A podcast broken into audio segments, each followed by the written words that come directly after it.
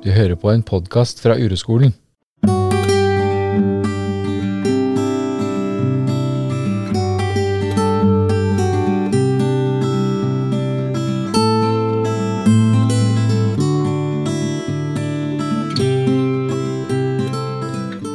Ja, velkommen til podkasten Alle har det vondt. I dag sitter jeg med Kristoffer Karlin, som er med i min mannsgruppe. Og en kar som jeg har blitt kjent med gjennom å snakke om det livet har å by på, av smerte blant annet. Så, og vi skal snakke om det, et tema som vi begge er opptatt av, egentlig, og det er å stå opp for seg selv i livet. Ja. Så velkommen. Takk. Ja. Så hvor skal vi eh, angripe det hen, da, Kristoffer? Um, Det er et tema som alltid er eh, Det er jo ja, det er jo alltid aktuelt i livet, det, egentlig, syns jeg, da. mm. Ja. Du sa det var et aktuelt tema for deg i livet akkurat nå.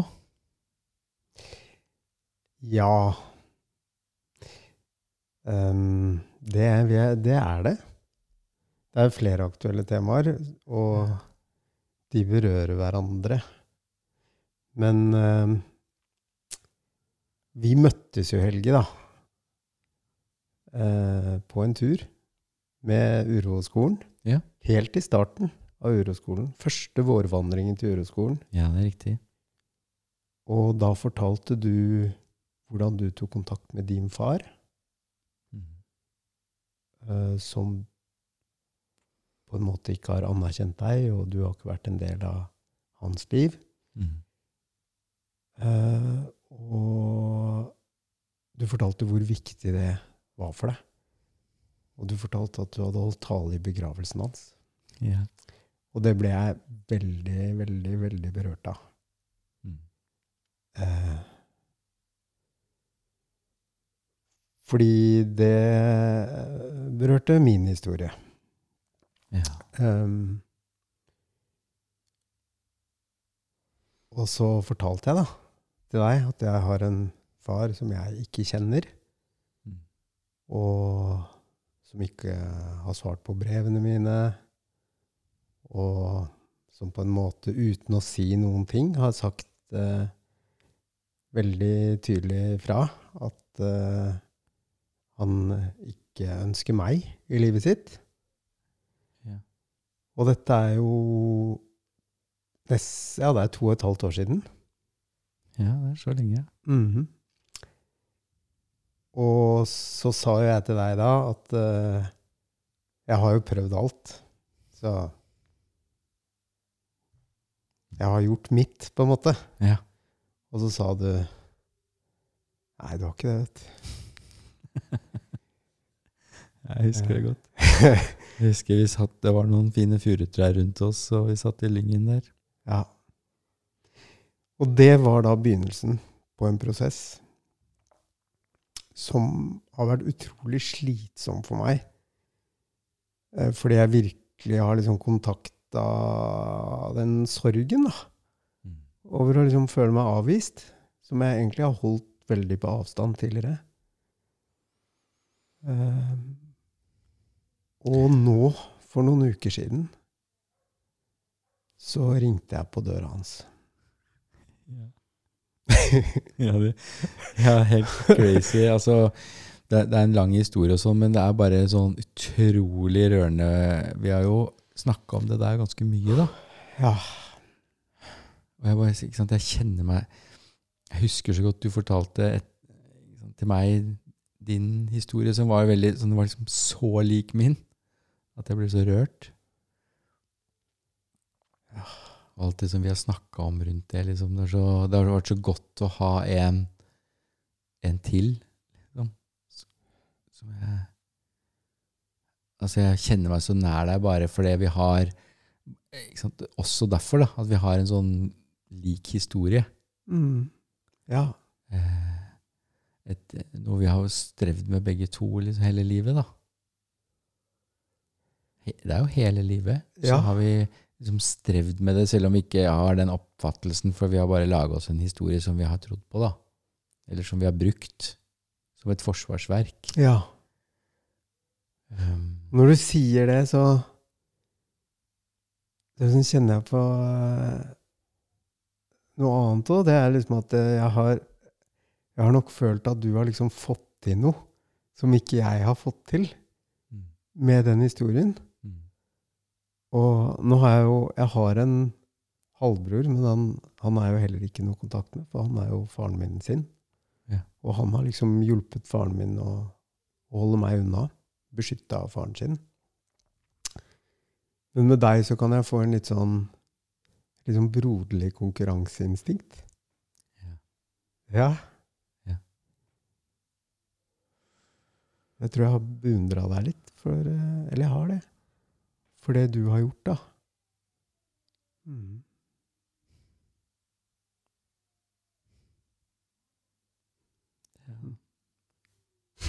ble jeg rørt, da. Der, er i den konkurransen, da, i den broderligheten, da, i den historien, så mm, Så blir det veldig nærhet òg, da. Ja. Sånn? Det, så, det, så, det har så mye potensial i å, i å bli avstand i en sånn konkurransesituasjon. Men så ligger nærheten ligger alltid der, kjenner jeg da. Mm. Bare når jeg ser på deg og alt som vi har opplevd, så er det det er de to tingene er veldig sterkt. Mm. Både eh, Vi har samme historie. Eh, vi holder på mye av de samme tingene. At det, er- liksom sånn for konkurranse og avstand, og så er nærheten der alltid, da. ja, det er veldig sant. At når du åpner opp for den nå, så blir jeg blir veldig rørt. Ja, og, og jeg tror vi to har vært litt inne og Altså, jeg tror vi har svingt litt. I hvert fall har jeg opplevd det sånn, da. Ja, ja. At vi har svingt mellom å kjenne en sånn veldig nærhet og litt sånn Ja. eh, Ikke tråkk i mitt bed. Ja. Jeg vet ikke om du har følt det sånn? jo, jo, jo, men jeg tror det er helt Jeg tror det er naturlig, da. Når Ja. man finner noen som er mm, Noen som man er glad i, noen som man er nære, noen som har den samme historien. Ja. Så er det sånn. Mm. Mm. Nå kjente jeg også at jeg ble Kjente med litt sånn nærhet til deg. Ja. Bare tenker på de historiene, de, eller de samtalene vi har hatt om det temaet her. Så er det det, ikke sant? At det, det svinger mellom Jeg skal lære noe, det er noe jeg kan få med meg her, det er noe jeg kan bruke. Sant? Så nærhet og avstand. Her er det noen som har fått det til. Her er det noen som Jeg er ikke der ennå. Em, ja, det er bare masse, et sånn stort felt, minefelt, der. Mm. Så jeg, jeg, jeg har jo vært så imponert over deg.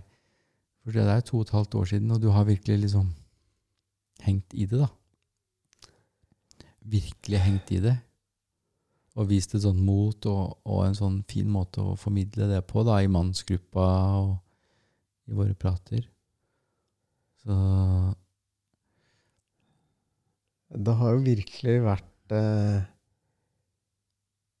Det har Underveis så har det jo kjentes som at jeg ikke har hatt noe valg på en eller annen måte. Fordi det har bare tvunget seg fram.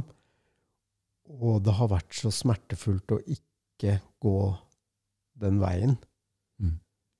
Eh, og det har tatt veldig mye plass. det har vært smertefullt å gå den veien òg, ikke sant? Ja, øh, veldig. Så der eh, Så når du bare sier det, jeg har bare lyst til å si sant, det der å du, Det du formidler, er at det er en sannhet som har kommet krypende i deg. Um, og det er smertefullt å ikke følge den sannheten, og det er smertefullt å følge sannheten. Ja. Altså, det har ikke noe med å ha det vondt eller ikke vondt å gjøre. Det har noe med å Det har jo noe med å stå opp for seg selv, da. Ja. Eller følge sannheten, eller hva man skal si, da. Ja. Det er jo et sånt eh, Et sitat Jeg tror ikke jeg husker det korrekt, men jeg husker det så veldig godt. På slutten av 'Brødrene Løvehjerte' Mm. så Historien begynner jo med at eh, Jonathan redder Kavring fra en brann. Og Kavring er sjuk, og så kommer de til Nangiala. Og så ender den med at lille, puslete Kavring han tar Jonathan under, eh, på ryggen, for Jonathan holder på å dø. Og så skal de hoppe til den neste verden sammen. Og det er bare utfor et stup. De aner ikke hvor de kommer. Og Kavring sier noen ganger så må man bare gjøre det man må, for ellers er man bare en liten lort. Og så hopper han. Ja. Mm. Så det var det du gjorde da, når du gikk og banka på døra hans? Til faren din? Ja, Var det? det var det. Ja. Det var det Du ante jo ikke hva som skulle skje da. Nei. Eh, du, du hadde jo virkelig ingen anelse om hva som skulle skje. Men det var liksom Det som er rørende i det, er jo at det er en sånn sannhet som har Der var den så sterk at du bare måtte gjøre det. Ja.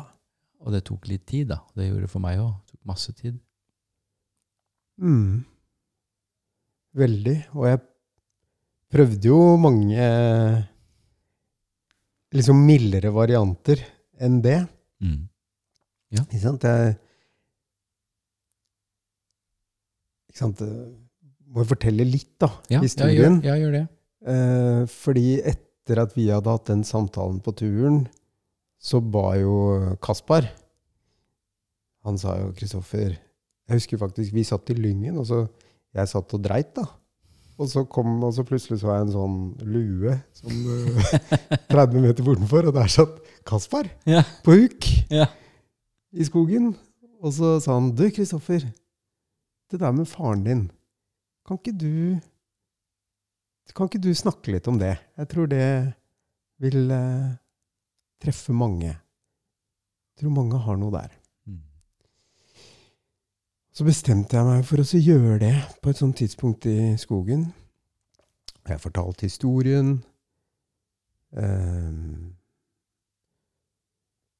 ja, som veldig kort fortalt er at moren min dro til eh, Norge med meg i magen, og hun fortalte det ikke til faren min. Og de hadde ikke noe spesielt forhold. De hadde liksom bare møtt hverandre og hatt det litt gøy. Mm. Uh, og når jeg var 25 år, så skrev jeg et brev til faren min. Jeg visste at han bodde i Danmark. Han er Mm. fra Iran. Ja Dette kan jo bli fryktelig langt, så jeg skal prøve å gjøre det litt kort. Men eh, i hvert fall så Jeg møtte han jo én gang. Mm. Og etter det så ville han ikke møte meg mer. Det var på en kafé i København, og jeg var 35 år. Mm. Nå er jeg 51. Ja. Uh, og så tenkte jeg jo, jeg har jo hele tiden tenkt at dette er jo ikke noe. Jeg er ferdig med dette her. Ja. Ikke sant? Det, det det ble, da ble det laget en historie. Ikke? At Det er jeg ferdig med. Han ønsker ikke. Ikke sant? At du, du oppfattet det veldig som at han ikke ønsket å ha noe kontakt med deg. ikke sant? Ja. Og jeg også, liksom, jeg er jo en fyr som klarer meg bra. Ja. Uh, har ikke tenkt at det har vært så viktig for meg heller. Nei. Um, men det er klart at hver gang liksom tanken har kommet, eller han har blitt nevnt, så har jeg jo virkelig Altså, kroppen min har jo bare vært helt sånn Den har bare Mm. vibrert. ikke sant? Det har vært veldig overveldende. Mm. Men likevel så har jeg veldig fint klart å legge det bort i livet mitt. Men på den turen så følte jeg et sånt veldig sånn gruppepress. At uh, liksom gruppa skulle ha meg til at dette skulle være så viktig for meg. Og jeg ble ganske sint, husker jeg. Ja. Eh, og så spurte Kaspar ja, hva vil du si til faren din. Og jeg sa at jeg, jeg har ikke noe å si. Hvorfor skal jeg si noe til han? Det er liksom ferdig. Mm. Og så foreslo han, tror jeg um, Kjære far, la meg få være din sønn.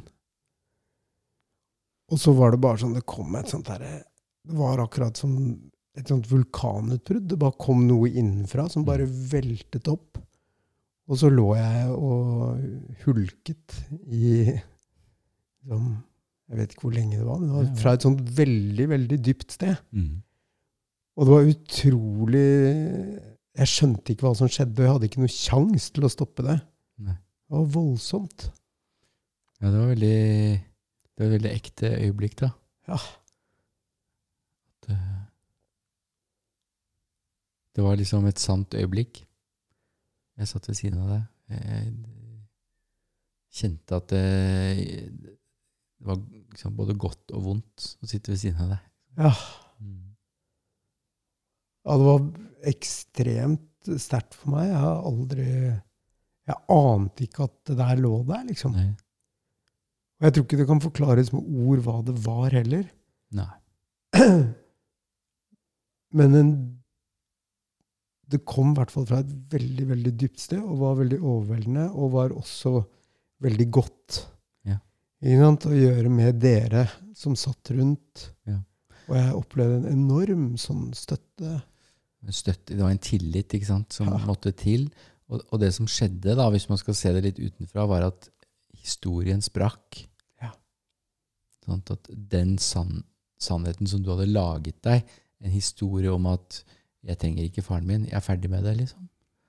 Den sprakk. Og det, og det var det som skjedde når jeg kom til Kaspar også sånn, noen år før. liksom. Mm. Ja. At det var det som skjedde der også. Ja. At den falske historien som jeg hadde trodd på, og som du hadde trodd på, den sprakk. ja.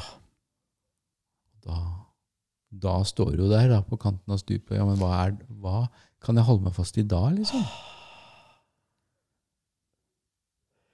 Da oppdaga jeg i hvert fall at det var noe som jeg måtte, måtte se nærmere på. da, Som Mm. jeg måtte ta litt på alvor. Ja. Som var i meg. Og jeg husker også veldig godt at uh, jeg sa til Kaspar før, alle de, før, den der, eh, før det vulkanutbruddet kom. Så jeg ble så jævlig lei av det. Jeg følte som en sånn press. Jeg syntes det var så provoserende at dere satt der og skulle gjøre dette her så viktig. Mm. Og så sa jeg liksom, slapp av, jeg trenger ingenting fra, fra, fra, øh, fra øh, han. Uh, uh, ja. nå mister jeg det litt, men uh. Det for det er jo en sånn Jeg vil forsvare historien min. Ikke kom og pirk borti min historie. Det er min sannhet. Hører du, liksom? ja. Det, det var, jeg husker det veldig godt, og du har jo en sånn tøff fremtoning. Du er en tøff kar, liksom. Du er ikke så høy, da. Sånn som meg. du har veldig fint skjegg. Du har veldig fint skjegg, Ja, og du er, du er en tøff kar, ikke sant? Så du, og, og det var virkelig Det var liksom Vi kunne se at du hadde øvd på å, å stå opp for det der. At det var, det var, det var ganske vanskelig å komme inn.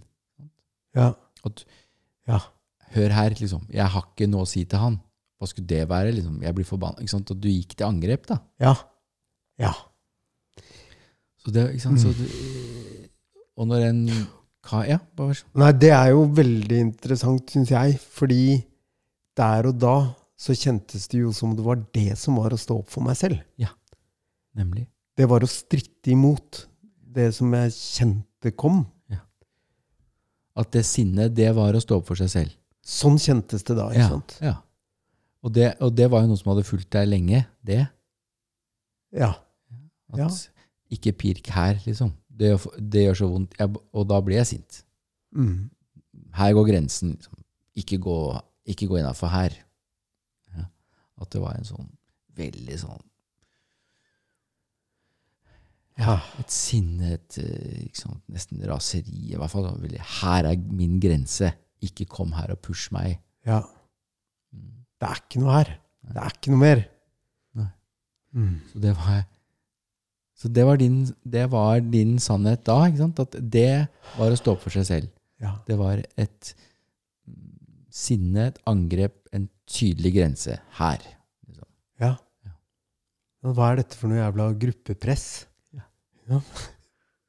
Så det er kult, for det, er for det har jo endra seg veldig, da. Det der, Ja. hva du legger og står opp for deg selv. Så, men du kan jo Mm. gjerne fortelle litt mer om den prosessen, liksom, for det er jo veldig spennende. For det starta jo da.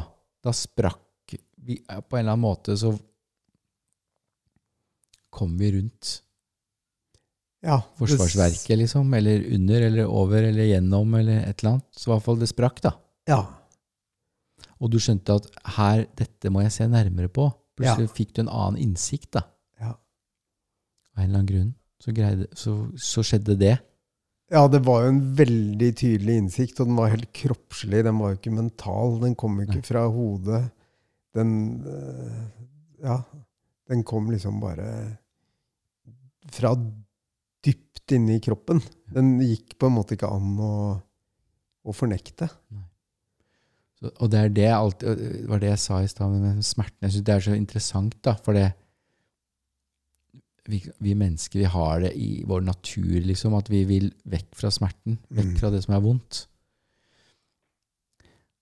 Men innsikten er at det gjør like vondt, eller kanskje enda vondere, å følge det som er sant, eh, enn å gå andre veien. Det er en grunn til at vi beskytter oss. Ja. Det, ikke sant? Det, jeg skjønner det godt, jeg. Ja. sånn? Man kan jo skjønne det godt, men der og da så kjennes det jo helt sånn Men det er rart, ikke sant? for du kjenner at 'jeg må den veien', Ja. men det gjør så vondt. Ja. Ja. Det var jo Jeg vil si at det begynte Altså, etter den turen så begynte det en sånn følelse i kroppen som jeg kjenner akkurat nå, når jeg sitter her. Og det er en sånn utrolig sånn vibrering i liksom brystet og området rundt hjertet, som både er sånn ømt og liksom veldig, veldig kriblende. Og det trykker Mm. liksom på hjertet. Og det er liksom både ubehagelig og spennende. Det er, det er både frykt og en slags sånn spenning, da. Mm. Og Mm. jeg husker at det liksom kom, og da var det veldig overveldende. Jeg sov ikke Jeg bestemte meg jo for at det jeg ville gjøre, det var at jeg ville De forrige brevene jeg har skrevet til han Jeg skrev blant annet ett eh, Jeg tror det bare var ett år tidligere, hvor jeg oppdaget at han hadde holdt på å dø Mm. tilfeldig en venninne av meg oppdaget på Facebook et bilde av han som hadde hatt hjerteinfarkt og lå på sykehuset. Mm.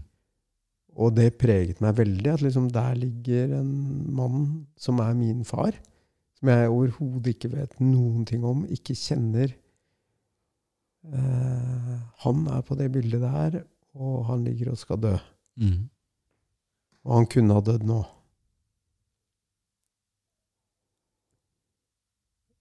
Ja.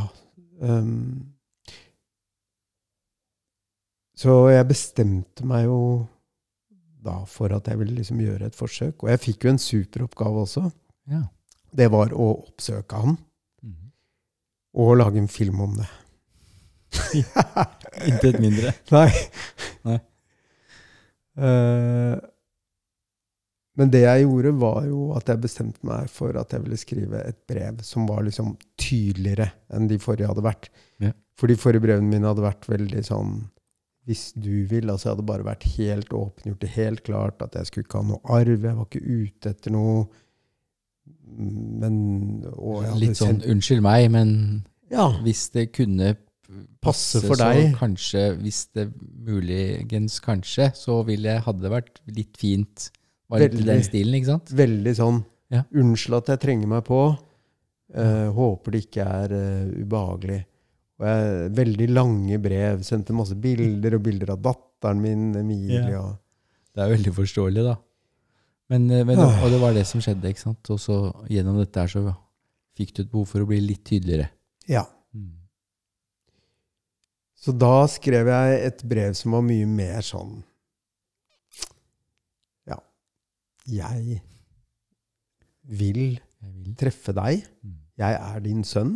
Du er min far. Sånn er det. Ja. Og Mm. hvis du ikke svarer på dette brevet, så kommer jeg til deg. Og så hadde jeg skrevet et sånt sted som jeg visste var en kafé i nærheten, der jeg skulle møte han på et alt, alt klokkeslett. Og så skrev jeg og hvis du ikke dukker opp der, og jeg ikke hører fra deg, så kommer jeg hjem til deg. Mm. Det var litt som et trusselbrev. Yeah. Og det hører jo også med til historien at det som er fortellingen her, det er jo da at uh, uh, faren min og broren min mener at denne sannheten her, den tåler ikke kona til faren min. Det har vært fortellingen her. Ja, det er fortellingen. Det er det som vi på uroskolen kaller drama, ikke sant? Det er drama. At det er eh, denne sannheten, den kommer med masse, masse, masse drama. Og masse mennesker som mener masse, og det er masse drama, ikke sant. Så det, sånn som det er overalt, med alle ting. Ja. liksom. Ja. ja. Som er så lett å bli vikla inn i. En sånn historie, et sånt drama, at man må liksom forholde seg til det dramaet. Det er liksom veldig tydelig i en sånn situasjon, da. Ja, ja, veldig. Mm. Uh, det var jo derfor, du hadde jo kjøpt inn i det. Det var derfor de brevene var så vage i starten. ja, det var det. At jeg må ikke røre bort dette dramaet, det er noe som er veldig viktig her, og mine behov ingen, det er jo ingenting i forhold til det dramaet der. Ikke sant? Og det, det forrige brevet som jeg eh, skrev til han når han hadde hatt hjerteinfarktet, det leverte jo kjæresten min på døra til han i København for å passe på at det ikke var kona hans som fikk det. Ja. At det skulle gå rett til han, og at det ikke var jeg som gjorde det, fordi jeg ligner jo ganske mye på han. ja. Ja. Eh, så vi var jo helt med på det premisset, at hun Dette må vi beskytte ham fra. Hun må ikke få vite det. Og da er jo også viktig å si kanskje at eh, jeg ble laget før de to møtte hverandre. Mm. Eh, og til faren min sin eh, liksom ja, Jeg tenker at det, jeg tror det er en viktig ting for han, og det er at han fikk heller ikke sjansen til å bli kjent med meg før jeg var 25 år. Nei. Jeg tror det også kan tenke meg at det har vært vanskelig for han. Det sa han noe om også. Nå, nå skal jeg ikke foregripe historien, men jeg fikk jo møtt den til slutt, da. Ja, Men, det er klart det er eh, vanskelig, ikke sant? Det, Ja. Vi er jo fedre begge to, Ja. så vi, det er jo lett å sette seg inn i det. ja. Hvis du, når du er 25, eller nei, når du, har, du er en voksen mann som plutselig får vite at du har en sønn som er 25 år gammel, liksom. ja. Vi setter i gang enorme mengder med masse greier. Ja. Helt sikkert. Ikke sant? Um, Så, men det er jo hans ting. Eh, så vi er jo mer opptatt av deg og mm. våre, våre ting. Ja. Ja. Så jeg sendte jo det brevet litt sånn utpå sommeren. Mm. Da hadde jeg vel eh, kanskje sovet i snitt tre timer per natt siden den turen. Yeah. Det, liksom, ja, det tok kanskje halvannen måned eller noe sånt da, før jeg fikk sendt det brevet. Jeg yeah. brukte veldig lang tid på det. Hver eneste setning ble analysert, og liksom mm. Ikke sant? Ja. Det opptok veldig, veldig mye plass. Mm. Og så sendte jeg det, og så hørte jeg ikke noe, og så hørte jeg ikke noe, og så hørte jeg ikke noe. Og jeg hadde en veldig sånn prosess på det, og jeg tok superoppgaven på alvor. da, Så jeg filmet meg selv i samtaler med folk om dette her, og Ja. Samtale med kjæresten min, og eh, når jeg postet brev og eh, Og så var det vel bare noen dager før jeg hadde tenkt å dra. Mm. Og det var jo dritskummelt, liksom. Det var, jeg, Ja, jeg, jeg husker det. Så For jeg forestilte meg jo selvfølgelig det verste. da. Jeg forestilte meg jo at hvis jeg dro dit og liksom måtte ble nødt Jeg måtte jo gjøre det jeg hadde sagt at jeg skulle gjøre. Da Mm. Da ville jo sikkert hun åpne døren, og så ville sikkert han få hjerteinfarkt. Og, og hun lage et helvete. Altså. Ja, ja, du var jo helt inne i det dramaet som du alltid har vært inne i, liksom. All den som er drevet av frykten, da. Ja, virkelig. Men da ringte faren min, Mm. og vi hadde en samtale. Og han sa 'vær så snill, ikke kom'. Eh, liksom, jeg lever i et Han, han skrev jo, han, han sa jo det, 'vær så snill, ikke kom', og så kom bare dramaforklaringen. Ikke Ja. sant? Altså, som var bare liksom mer av det der som du hadde hørt og trodd på, Ja. som bare Ja, ja. masse av det, ikke sant. Som er så lett å kjøpe inn i, da. Veldig, veldig. Og det var på en eller annen måte så opplevde jeg i den samtalen Så var det jo litt sånn Den ene gangen vi hadde møttes ti år tidligere Da var jo Jeg husker jo ingenting fra det møtet. Jeg, jeg var ekstremt fyllesyk. Jeg hadde liksom drukket meg fra sans og samling dagen før, for jeg var så nervøs. Og jeg var rett og slett på en eller annen måte ikke sånn til stede der, altså. Nei. Uh, og det var, det var også noe jeg har kjent mye skam og syns har vært vanskelig i ettertid. Det var den sjansen du fikk, liksom. Det var den sjansen jeg fikk, og så satt jeg der uh, Og jeg, jeg, jeg tror ikke jeg klarte å stille han et eneste spørsmål. Ingen av de tingene jeg egentlig hadde lurt på var nysgjerrig på. Men det er litt, eh, bare, jeg må stoppe her litt, for akkurat det syns jeg er så interessant. For det, det har vært en sånn stor del av min historie òg. Mm. Jeg husker ikke, liksom. Ja. At uh, det er et eller annet som at mm, det er så vondt at uh, det er et eller annet som skjer at jeg ikke husker noen ting. Sånn, har jeg snakka med mamma om det der? Hva var det hun sa? Men har hun sagt noe om altså, Jeg tror hun har sagt noe, men jeg husker, det burde jeg huska. Det er jo faren min. Altså, veldig mye sånne greier som jeg holder på med. da ja. Som går på og, at minnet bare blir borte. Liksom. Det er et eller annet virker som det er en sånn forsvarsmekanisme, det òg. Ja. At det bare tar vekk ting. Og så blir jeg forbanna på meg selv og skammer meg sånn for at jeg burde huske det. liksom. Ja. Mm. Ja. Ja. Ja, den eh, kjenner meg veldig igjen etter det møtet der. Har tenkt Mm. at liksom Det var sikkert derfor han ikke ville se meg igjen. Ja.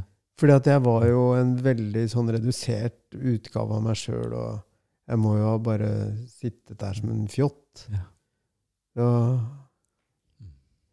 Og det, på en eller annen måte så styrke, Eller det satte jo i gang en sånn følelse av avvisning. Ja. For før det så har han jo egentlig Altså, jeg har jo i hvert fall intellektuelt visst at det er ikke meg han avviser. For han har jo ikke møtt meg. Nei. Men etter å ha møtt meg Og så, og så sier han nei, men eh, jeg vil ikke ha noe mer med deg å gjøre. Nei, så drama får liksom en ny sving, da. En ny, mer bensin på bålet. Virkelig. Mm. Virkelig. Um, ja. Mm. Ja. Så hvis vi skal prøve å dra oss bare litt tilbake til temaet, um, det å stå opp for seg selv, Ja. så har det fått Ikke sant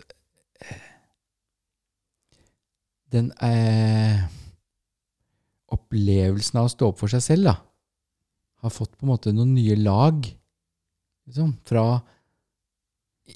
ja, hele den historien der, da, fra før du møtte meg òg, liksom, mange deler. Men når den historien sprakk, som din historie om at han vil ikke se meg, og jeg har egentlig ikke noe behov for å se han heller Når den sp- sprakk, så har det liksom Det har skjedd en del ting det der Jeg står opp for meg selv. Mm. En måte å stå for seg selv på er jeg trekker linja. Ikke kom her og pirk i den historien der. Mm. En måte. En annen måte er ja, hvis du kanskje av en eller annen grunn har litt lyst til å møte meg, så kunne jeg kanskje tenke meg det. liksom Sånne type brev, da. Mm. Det opplevdes jo å stå opp for seg selv. En lang, lang, lang, lang, lang et brev. Mm. et brev, ikke sant? Mm. Mange sånne brev. Mm. Og plutselig så fikk du en ny innsikt som er sånn Ja, men jeg, jeg vil møte deg. Ja. Eh, og hvis, eh, hvis du ikke svarer, så kommer jeg. Og så plutselig da, da satte jeg i gang et eller annet til han, så han ringte og sa 'jeg vil ikke ha noe med deg å gjøre ennå'. ja. Ikke kom. For all del ikke kom. Og da satte jeg i gang noen nye ting, ikke sant? At, så, så det har liksom vært en prosess det der, hvor du har måtte, fått nye sannheter, nye dybder eller nye høyder, eller hva det nå er, da, i det å stå opp for seg selv. Ja. Så hva skjedde med det da, når han hadde ringt og sagt at du må ikke komme? Det, I den samtalen så var jo han ganske sånn desperat, da. Mm. Og Ja. han sa også at sant, han er gammel, og han er syk, og, og Det kjentes som om jeg kunne gjøre noe for han hvis jeg lot han være i fred. Nemlig. Sånn kjentes det. Så jeg sa jo det. Og så fikk jeg også Jeg var ganske sånn til stede i den samtalen. Og jeg spurte blant annet Tenker du på meg noen gang. Og da sa han ja, jeg tenker på deg. Mm. Uh, og så sa jeg noe Jeg sa ehm, Er det sånn at du vil la meg være din sønn i hjertet? Noe sånt spurte jeg om. Yeah. Og da svarte han Det er ikke noe hjerte. It's just a fact. Mm. Og det ble jeg liksom Det har jeg tenkt mye på etterpå. At jeg, jeg, jeg skjønte liksom ikke helt hva han mente med det. Men Kaspar kom jo med et perspektiv på at det betyr ja. ikke sant? It's a fact. Jeg er hans sønn. Ja. Det har ikke noe med hjerte eller følelser å gjøre. Det er et, det er et fakta. På en eller annen måte. ikke sant? Ja. Og det, det jeg ønsket, var jo å bli anerkjent. Altså, jeg var jo tydelig for meg at uh, jeg er 51 år, og han nærmer seg 90. Det er liksom ikke en pappa eh, i oppveksten jeg trenger. Nei. Det toget har kjørt. Men å, å få bli anerkjent Mm. Jeg er din sønn. Mm. Og det følte jeg jo at jeg på en måte ble i den samtalen.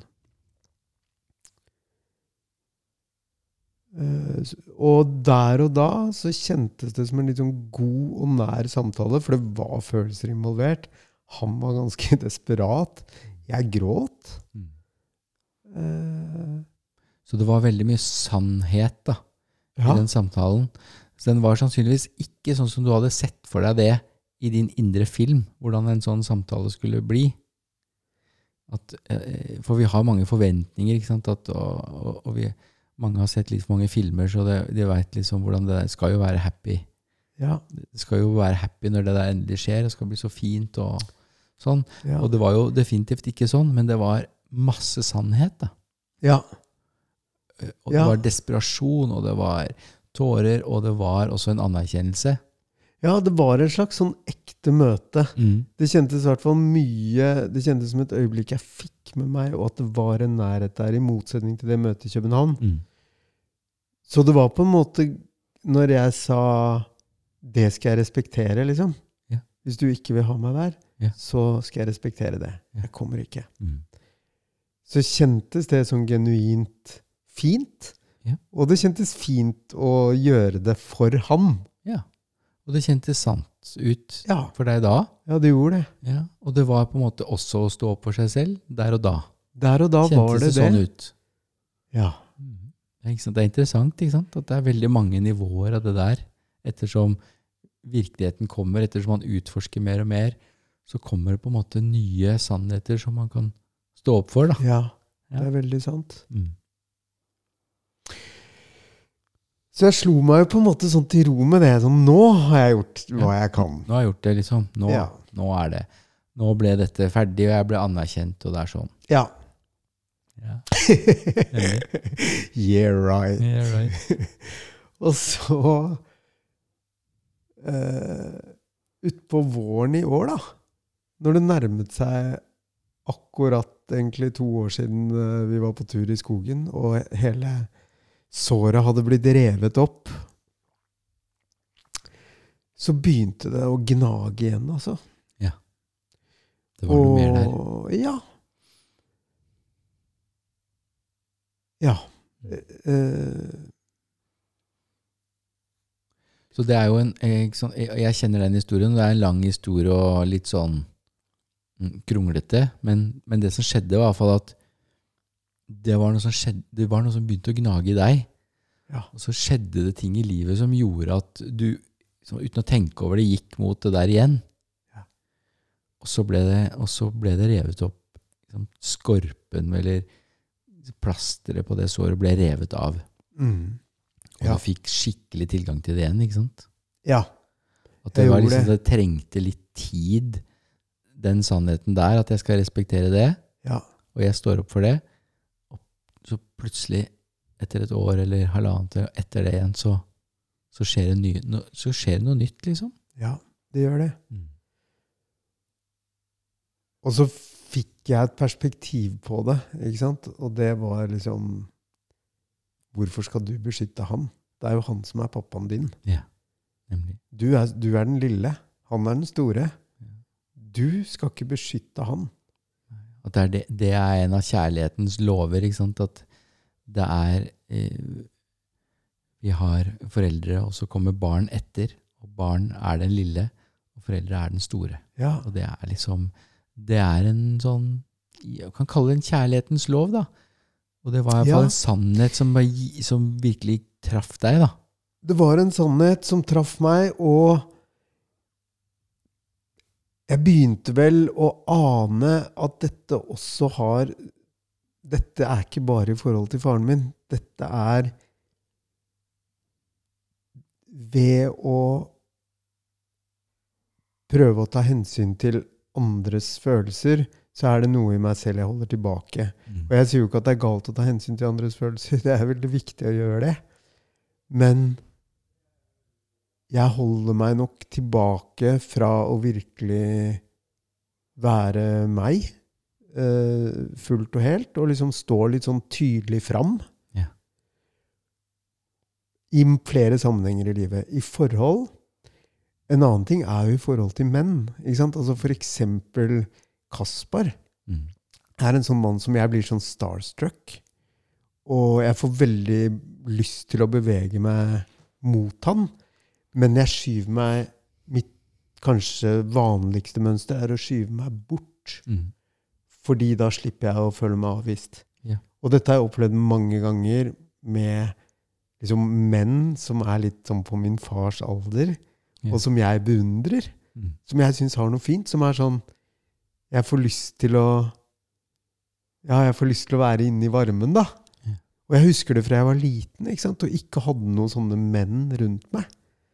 Ikke hadde noen veldig sånn Mm. tydelig sterke rollefigurer. At jeg var veldig sånn fascinert av pappaene til vennene mine, og hadde veldig lyst til at de skulle tulle med meg. Og, men jeg ble veldig selvbevisst i deres nærvær òg.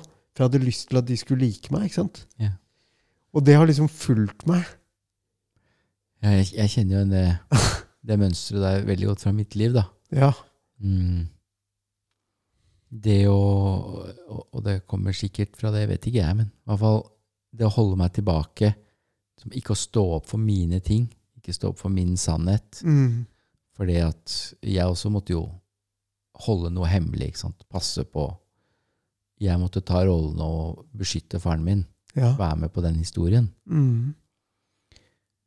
Og man kan jo tenke seg at det er en del av grunnen, men det, det er jo sikkert flere som har det sånn. Men i hvert fall så det, har det vært veldig sterkt i livet mitt. da. Og det gjelder ja, definitivt overfor menn, og det gjelder overfor kvinner, og det gjelder overfor venner, og det gjelder overfor jobb, og det gjelder overfor alle tingene i livet mitt, egentlig. Ja. Alle områdene, da. Ja. At det å stå opp for meg selv har også vært sånn som du beskriver, klar grense, ikke hit, eller eh, det å stå opp for meg selv, jeg, jeg holder meg unna. Ikke sant? Eller eh, eh, å stå opp for meg selv at ja, nei, jeg får passe på at de andre ikke får vondt. Ja. Så, Ja. eh, så det har ikke noe med å stå opp for seg selv i det hele tatt, egentlig, men selv om det føles sånn, da. Virkelig. Mm. Og, det, og for meg så har det nok Jeg tror at jeg er kjent som Jeg tror mange tenker på meg som en ganske sånn fri og direkte fyr som, som gjør mye gøy og tar ganske Ja. som ballsy valg i livet. Mm. eh, og er ganske tøff. Men jeg er også en veldig sånn sweet uh, fyr. Altså, jeg har alltid et smil og et ønske om å ikke vekke noe ubehag. Og jeg er redd for å kjenne Jeg kan få en veldig sånn skamfølelse, da, hvis jeg stikker huet opp. Mm. Ja, hvis jeg stikker huet opp, og det kjennes litt sånn utidig Hvem er jeg som har rett til å gjøre det? Ja. Hvem er jeg som har rett til å stå her og si noe? Så på den ene siden har jeg en veldig sterk kraft egentlig mot å Mot å ta plass. Altså, jeg, jeg er glad i å ta plass, jeg føler meg fri når jeg tar plass. Men det er knytta veldig til en sånn skamfølelse at når jeg gjør det, da gjør jeg noe gærent. Mm. Så, Mm. så jeg har holdt igjen mye. Og så tror jeg at det har jeg også da projisert på andre. Altså andre jeg har på en måte klandret alle andre at de ikke tåler at jeg er meg, uten å spørre dem. Yeah. Eh, og så, istedenfor å stå fram i verden med meg, så blir jeg sint på de. Mm. Og aggressiv, liksom. Eller um, gjør sånn som du tror at de vil at du skal være. At du Ja. er sånn som du tror at de vil at du skal være. Ja. Ja. ja.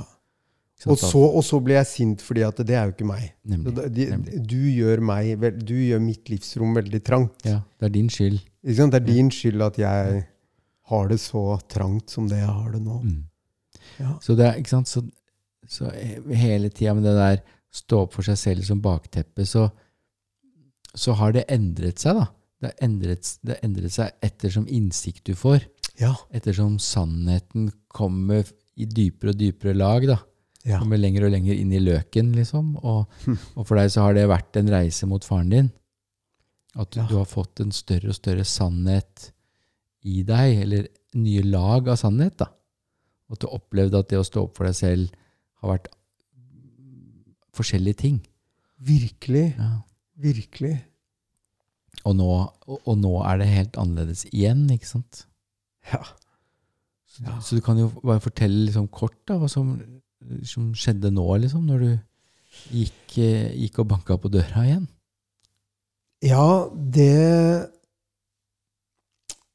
Altså, en sånn liksom fin ting er at jeg Jeg kjente Altså, jeg har jo snakket med noen mennesker, vært i noen settinger hvor jeg liksom har, har løfta dette litt sånn fram, da. Mm.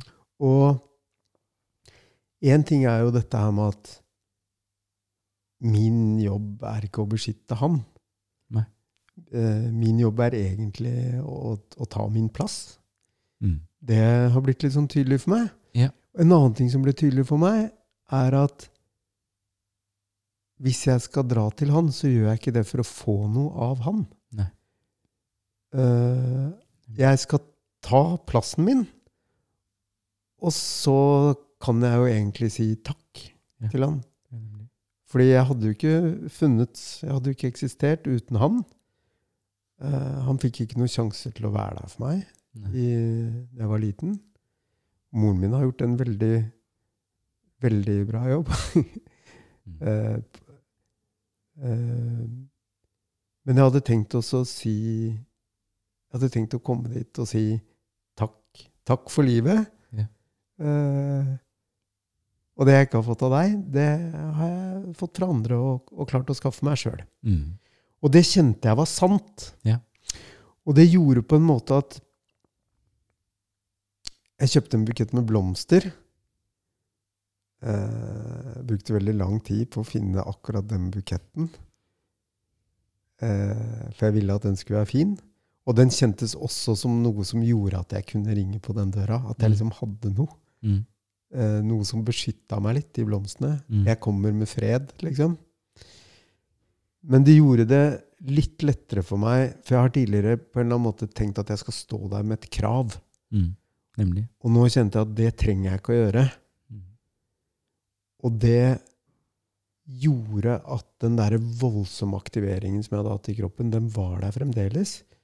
Men samtidig så var jeg ekstremt sånn sentrert. Jeg var veldig, veldig til stede. Jeg gikk veldig sakte dit. Eh, og jeg liksom fikk med alle luktene og lydene og så folk på veien inn i øynene. Og det var en veldig sånn spesiell opplevelse av å være på en måte sånn eh, Ikke ha noen kontroll, og å være samlet, da. Mm. Så jeg gikk dit med en følelse jeg ikke har hatt før, av at dette er mulig. Eh, Kjenner du deg igjen i det, i forhold til din far? Ehm, ja, fra begravelsen, tror jeg. Ja. Eh, da var det vanskelig å få noe fra han, liksom. Men, eh, eller fra sykehuset, egentlig òg. Mm. Når han var i live og jeg satt der. Så det der å Og det skiftet fra det er noe jeg må få, Mm. eh, til å si det er, bare, det er bare viktig for meg, liksom. Det er Ja. bare jeg som har lyst Det er bare jeg som trenger noe. Og jeg trenger å ta min plass Ja. som din sønn. Og jeg trenger å få lov til å si takk. Ja. At det er et stort skift, da. Ja. Men eh, jeg, det er jo den veien. Det var jo det, alt det der jeg holdt på med òg, liksom.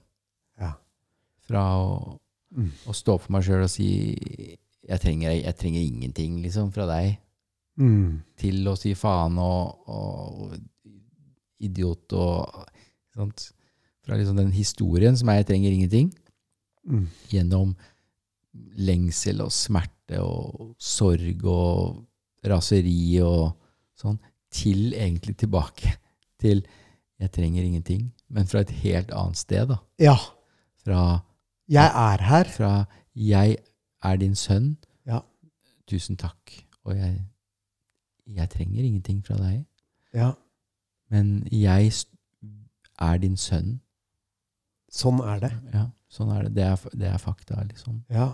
Og jeg tar den plassen. Ja. Og jeg gjør det uansett hva du ønsker og ikke ønsker. Liksom det er helt knekkende likegyldig. Mm. Eh, Ja. Og jeg tok den plassen eh, både på sykehuset sammen med mine halvbrødre og sånn, Mm. og i begravelsen. Og du gjorde det ved å dra og ringe på. Ja. Og gi beng i hele det dramaet der. Det var det jeg gjorde. Ja, at det dramaet betyr ingenting for meg når jeg har funnet den sannheten. Ja. Og så vil jeg også si at uh, for meg i hvert fall så var det sånn at jeg vakla jo veldig. Jeg var veldig usikker. Liksom. Er dette bare et sånt egoprosjekt? Mm. Hvorfor gjør jeg dette her? Skal jeg liksom Skal jeg dra dit og, og ødelegge en familie? Eh, bare fordi at jeg har innbilt meg en sånn mental fiksering at dette betyr noe? Og veldig inn og ut av Nei, vent litt. Dette trenger jeg å gjøre. Mm. Så, så det er bare den indre kritikeren, da, ikke sant? Ja. Eller kommentatoren. Ja. Eller som han i mannsgruppa vår sier, den eh, radioen. Debattprogrammet i radioen. eh, inni huet. Det går, da.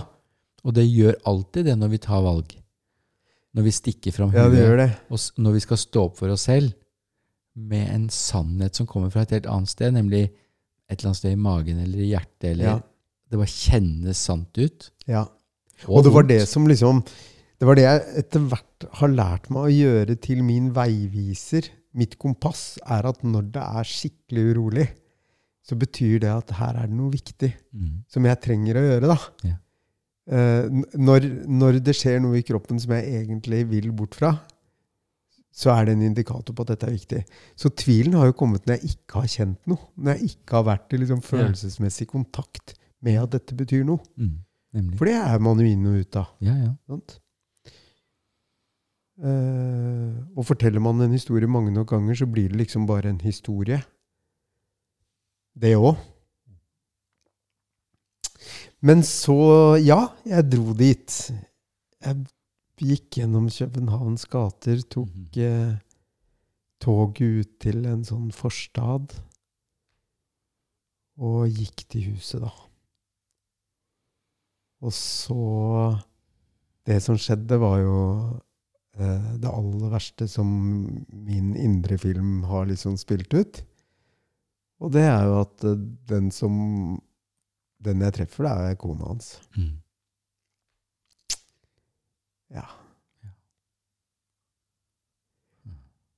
Og Og så Det viser seg at faren min er ikke hjemme, da. Mm. Men eh, hun stiller jo liksom Hvem er du? Eh, hvem er de blomstene til? Mhm. Eh, hvorfor kommer du med de til han? Kjenner du han?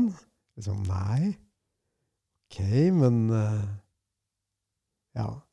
Og så til slutt Og jeg, jeg prøvde liksom å unngå eh, vel, Jeg tenkte det er jo han jeg skal snakke med. Og fremdeles kanskje med en sånn eh, Ja, absolutt en sånn følelse at jeg må beskytte han. Mm. Den var også der. Ja, ja. Men så så jeg på hun dama, og jeg, jeg likte henne veldig godt. Altså jeg, jeg kjente hun hadde sånn veldig sånn direkte, varmt blikk. Mm. Og så kjente jeg bare Fy faen, hun dama her eh, Hun har liksom lenge nok blitt eh, holdt unna eh, sannheten, da. Så til slutt så sa jeg, når hun spurte for kanskje femte gang, men hvem er du? Så jeg, jeg er fra Norge, jeg er 51 år gammel, jeg heter Kristoffer, og jeg er sønn til faren min, da. Så sa jeg hans navn. Mm. Og det jeg bare husker så godt, akkurat det øyeblikket hvor jeg hadde sagt det, så var det en sånn følelse av at nå har jeg ingen kontroll, da. Det er historien Hva het de der i Brødrene Løvehjerte? Som Eh, hoppa ut for stupet? Ja, kavring. Ja, kavring. Det er da du hopper, ikke sant? Det er da jeg hoppa. Da har du ingen kontroll. Da, da, da går du for det som er sant. Ja.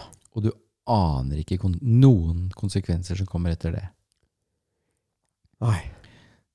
Da er det liksom bare Det eneste jeg kan gjøre nå, det er å være her. Jeg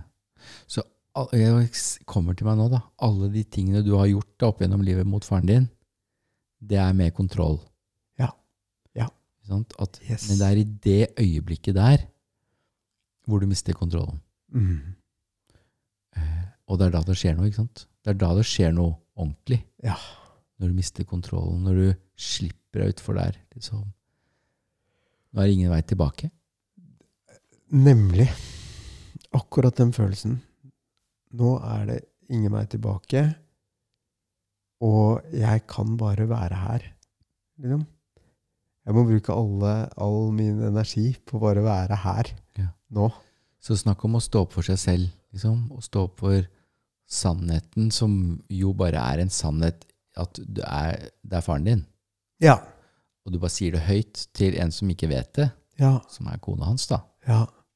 Eh, Så det er jo litt sånn, men, men det er bare en enkel sannhet, og det er din sannhet. Og det tok deg 51 år å komme dit, via masse krinkelkroker og ting og tang, liksom. Mm. Og der var det. Mm. Ja. Og, det og det kom via mange nivåer at du trodde du sto opp for deg selv, til at der står du opp for deg selv. Ja. Helt enkelt, helt rett fram. Ja. Ganske rolig og vondt og alt Ja. sammen, liksom. Men du ja, var vet klar du hva? og tydelig. Det, det kjentes som et helt nytt nivå av å stå opp for meg selv, det må jeg bare si. Og ehm, kan du si at herregud, det, det at jeg kom, satte jo i gang et drama. Og det dramaet det er fremdeles i gang, det. Klart det. Uh, og det er ikke så lett. Og jeg får jo lyst til å redde både den ene og den andre i dette her, og kan bli usikker på det jeg har gjort. Men jeg kjenner en stor sånn lettelse. Ja. Eh, befrielse. Jeg er stolt. Det er det modigste jeg noen gang har gjort. Altså, det kan jeg bare Ja. Eh, og bare det, det i seg selv, å gjøre noe som jeg syns har vært så jævlig skummelt, da. Ja. Det har ikke vært på radaren engang, ikke sant? I store deler av livet ditt så har det bare ikke vært der. Det har vært ikke-eksisterende. Det har vært gjemt så gjemt dypt så godt ned. ja. Ja. For meg òg. At det var bare Det var gjemt helt bort. ja. Jeg visste ikke at det lå der. Den Ikke muligheten. heller. Nei. Nei, virkelig ikke. Og jeg kjenner jo at uh, Ikke sant, det der at jeg har ingen rett og kan ikke kontrollere hvordan andre skal reagere på dette her. Jeg kan ikke ta ansvar for noe annet enn å gjøre det som er viktig for meg å gjøre, og det som kjennes riktig Mm. og viktig. Fordi det handler om faktisk å tørre å være sann, da. Tørre å være meg. Og ikke på en sånn egoistisk måte, men på en sånn sannferdig måte. Mm. Eh, så det, jeg får gåsehud når vi snakker om det nå. Jeg kjenner kraft. Mm. Jeg kjenner at det liksom kribler opp langs hele nakken og hodet. Og at jeg tror dette her eh, var kjempeviktig for meg å gjøre, ass. Ja. Rett og slett. Når, når du snakker om det jeg, jeg, jeg kjenner på veldig mye av det samme. Ja. For eh, at den følelsen jeg hadde etter denne begravelsen, det er på en måte, den sitter i ennå, da. På et sånt Ja. dypt, dypt plan at ja, det var det modigste jeg har gjort. Sånn. Ja, og jeg er også stolt av det, liksom. At jeg, at jeg turte. Ja. Og at, eh, at, men at det er en sånn dyp sånn ro som kom etter det. Eh, ja, det den sannheten at jeg var hans sønn. Ja. Jeg er hans sønn, og nå har jeg stått opp for det. Liksom. Ja. Ja. Det, bare, det bare ga meg noe, det, noe av det du beskriver. da. ja. En sånn indre ro. Eh, noe som er så viktig da, for meg. At det var, bare, det var så viktig. Ja. At eh, det er umulig å se hvor viktig det er før du har gjort det. Det er helt umulig. Og det er Jeg tror jo liksom at det har beskytta meg mot, da, uten at jeg har tenkt det så klart, men det er jo Det er jo å bli avvist. Mm. Det Én ting er å liksom ødelegge for andre, slippe en atombombe ned i en familie. øh, men en annen ting er jo, er jo å bli avvist. Og så kjenner jeg jo Kan si at det Uten å gå i detalj, da Og jeg har ikke så lyst til å liksom utlevere så detaljert, egentlig. Nei. Men, Det men det jeg kan si noe om, er at uh, jeg fikk både noe fint og noe vanskelig da, fra faren min. Og det er ikke Det er på ingen måte gitt at vi skal ha noe mer i kontakt etter det møtet. Det var ikke noe Hollywood-øyeblikk. Eh, Det kan man vel si. Det var et, det var et Hollywood-øyeblikk. Ja, ja det var det. Det var det. Han kjørte meg til toget etterpå. Jeg var der i halvannen time hjemme hos dem da, etter at han kom hjem. Og det var en skikkelig sånn berg-og-dal-bane-opplevelse. Men jeg er stolt at jeg var veldig sånn til stede. Ja. Jeg fikk sagt noen viktige ting. Jeg fikk sagt at uh, det er ikke min intensjon å, å, å gjøre det vanskelig for dere, men dette er viktig for meg. Mm. Jeg vil ikke være en hemmelighet. Ja. Jeg er din sønn, Mm. og du er min far. Jeg er din førstefødte sønn, til og med, sa jeg. Og du er min far. Og it's a fact. Og det kunne han liksom understreke på. Ja, it's a fact. Så, så det var det som var viktig, ikke sant? Nemlig, og, da, og det var jo det du sa, at det handler om å stå for seg selv og si det som er sant, og ikke å få noe fra han. Mm. Ja, det er akkurat det. Ja. Og jeg spurte om en klem da jeg skulle gå ut av bilen, Mm. og det fikk jeg. Det fikk du. Og jeg sa 'farvel, far', Ja. og han sa 'farvel, min sønn'. Der var Hollywood. Der var Hollywood. Ja, og det er jo vakkert og flott. Og veldig, veldig godt. Ja. Og jeg blir jo rørt når du sier det. Men, tror, men det var ikke det som var det viktige. Det var ikke det viktige, og i ettertid så har det blitt mer komplisert. Og jeg tror ikke han vil ha noe mer med meg å gjøre. Og jeg føler at jeg har gjort Nå, ha, nå Helge, nå har jeg gjort det. Ja. Nå har jeg gjort det jeg kunne. Og det kjennes riktig å sitte stille i båten. Og jeg kan kjenne en sorg Ja. over et fellesskap med broren min og hans barn Mm.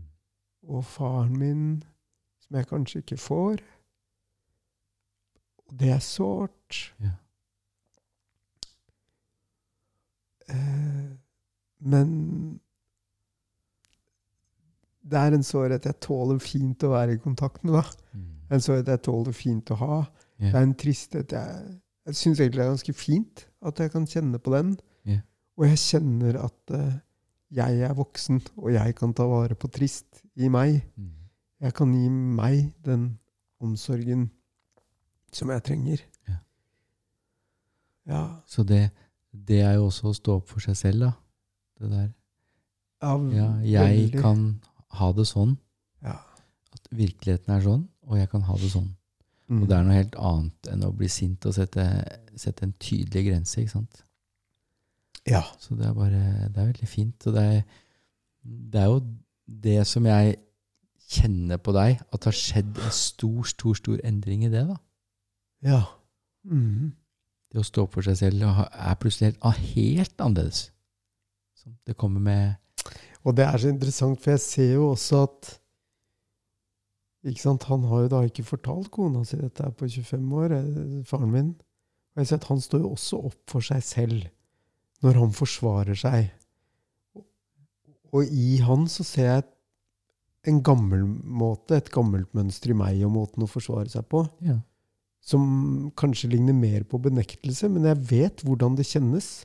Og jeg vet at det kjennes som det eneste jeg kan gjøre Ja. for å stå opp for meg selv. Nemlig. Men det er utrolig godt å få For meg er det helt uvurderlig å få tilgang til at å stå opp for meg selv kan være noe som er mye dypere. Og det trenger ikke å være benekta at ting har skjedd, men det kan være å si på en eller annen måte Jeg anerkjenner også liksom de handlingene jeg ikke liker at jeg har gjort, de følelsene jeg ikke liker at jeg har. At jeg kan kjenne skam, at jeg kan kjenne sorg. Å stå opp for meg selv nå, for meg, har blitt noe mye større enn å beskytte meg mot det jeg opplever som folk som prøver å gjøre meg mindre, eller en følelse av å bli liten.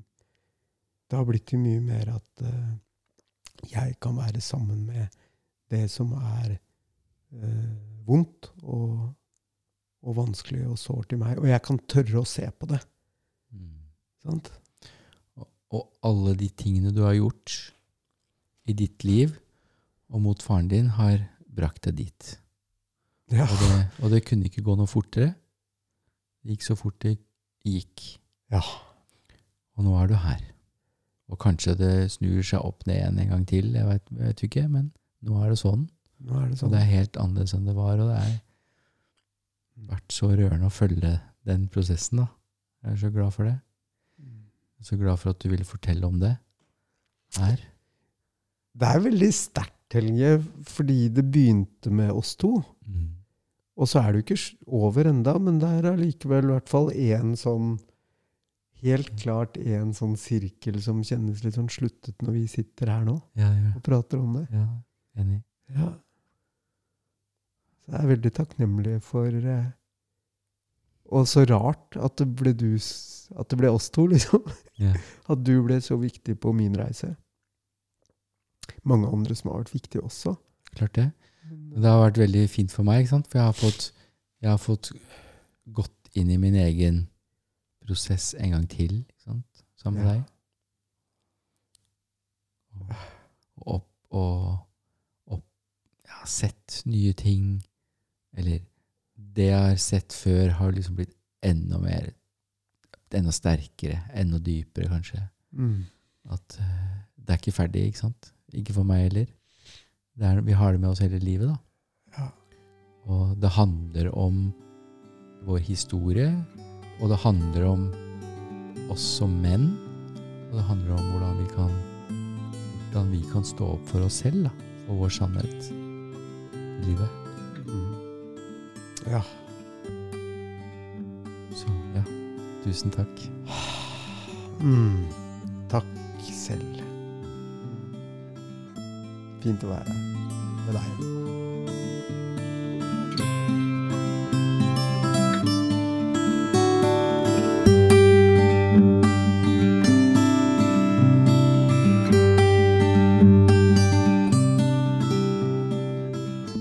Du har hørt på podkasten 'Alle har det vondt' med Helge Simmer. Hvis du er interessert i å se litt på din egen smerte eller din egen uro, så kan du bestille time på Uroskolen. Og da kan du sende e-post til meg på helge.uroskolen.no. Du kan også gå inn på uroskolen.no og klikke på timebestilling. Og du kan gjerne følge oss på Facebook og se hva vi holder på med sånn ellers. Velkommen skal du være.